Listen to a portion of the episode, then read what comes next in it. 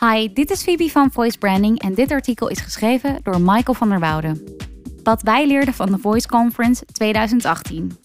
11 oktober 2018 vond de eerste Nederlandse Voice Conference van Entopic plaats in het OBA Theater in Amsterdam. De conferentie werd gehost en geopend door voice-expert Maarten Lens Fitzgerald en eindigde met keynotes van Ruben Klerks, project manager social media bij KLM, Max Amor de Luso, lead AU Amazon Alexa en Ben Sauer, voice user interface designer en product strategist. We groeien naar een meer stemgestuurde wereld. Geluid wordt belangrijker dan ooit. Uit een enquête van Bright Edge blijkt dat 31% van de digitale marketeers bij de Fortune 500 bedrijven van mening is dat spraak het volgende grote ding is. En zij zijn niet de enige. Zo voorspelde OC&C Strategy Consultants eerder dit jaar dat de groeiende populariteit van slimme luidsprekers zoals Amazon Echo en de Google Home zal leiden tot een explosie van spraakgestuurd winkelen. En het bedrijf voorspelt dat het stemgestuurde winkelen zal groeien tot meer dan 40 miljard in 2022.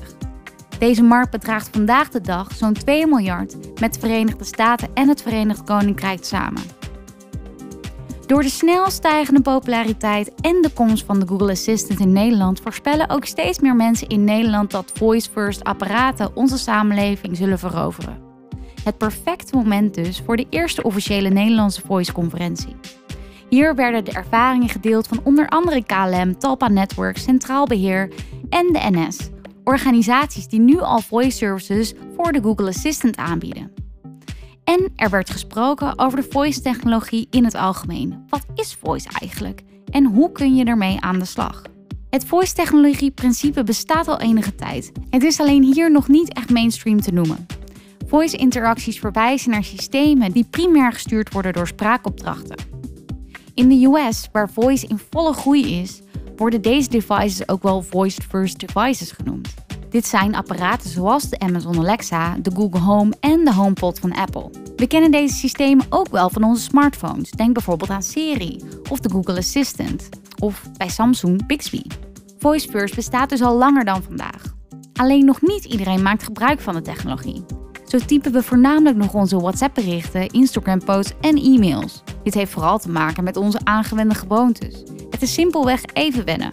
Vandaag de dag kijken we nog op van mensen die tegen hun smartphone praten in het openbaar. In de nabije toekomst zal dit heel normaal zijn. Ik denk overigens niet dat de texting zal verdwijnen. Zoals Ruben Klerks, project manager social media bij de KLM, zei in zijn keynote op de Voice Conference: Er zullen altijd situaties blijven waarin het hardop praten tegen je smartphone niet zo goed zal werken. Denk bijvoorbeeld aan een volgeboekte vliegreis. Je kunt je voorstellen dat het voor nogal wat irritatie zou kunnen zorgen als iedere passagier continu tegen zijn of haar smartphone praat. Voice-technologie zal voor veel mensen even wennen zijn. Maar tegelijkertijd moeten we niet vergeten dat de voice-technologie de meest natuurlijke manier is om digitaal te communiceren. We praten al honderden jaren met elkaar. In het algemeen zullen mensen dus sneller aan voice-technologie wennen dan ze in eerste instantie denken. Kijk maar naar de ontwikkelingen in Amerika. Eind 2018 hebben meer dan 75 miljoen Amerikanen een slimme speaker in huis. En dit aantal groeit met 45% per jaar. Ook deze mensen zullen sceptisch zijn geweest. Met de introductie van de Nederlandstalige Google Home Assistant gaan we hier ook van start. Het is een interessante tijd die veel kansen biedt en steeds meer bedrijven zijn zich ervan bewust en gaan aan de slag met voice. Op de Voice Conference inspireerden organisaties die nu al voice interfaces voor de slimmer speakers aanbieden. Onder andere KLM, Centraal Beheer, Achmea en de NS vertelden over hun eerste ervaringen. Wat zijn de best practices en hoe ga je zelf aan de slag met voice?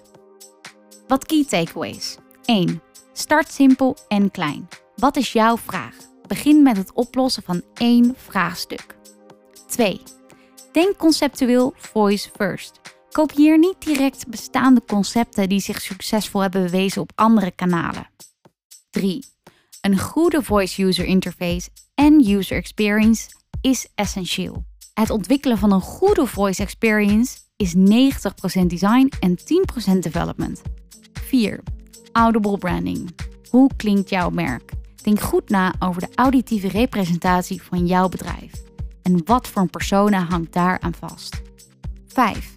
Hoe eerder je begint met voice, hoe beter. In Amerika heeft één op de vier huishoudens één of meer slimme speakers in het huis.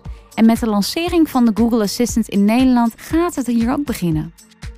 Wat heeft de toekomst van voice voor ons in petto? De populariteit van de voice-first apparaten groeit wereldwijd en sneller dan ooit. Dit komt onder meer omdat voice-technologieën ons tijd besparen. Voice zorgt voor hoge productiviteit en tijd voor mensen is enorm belangrijk in het leven.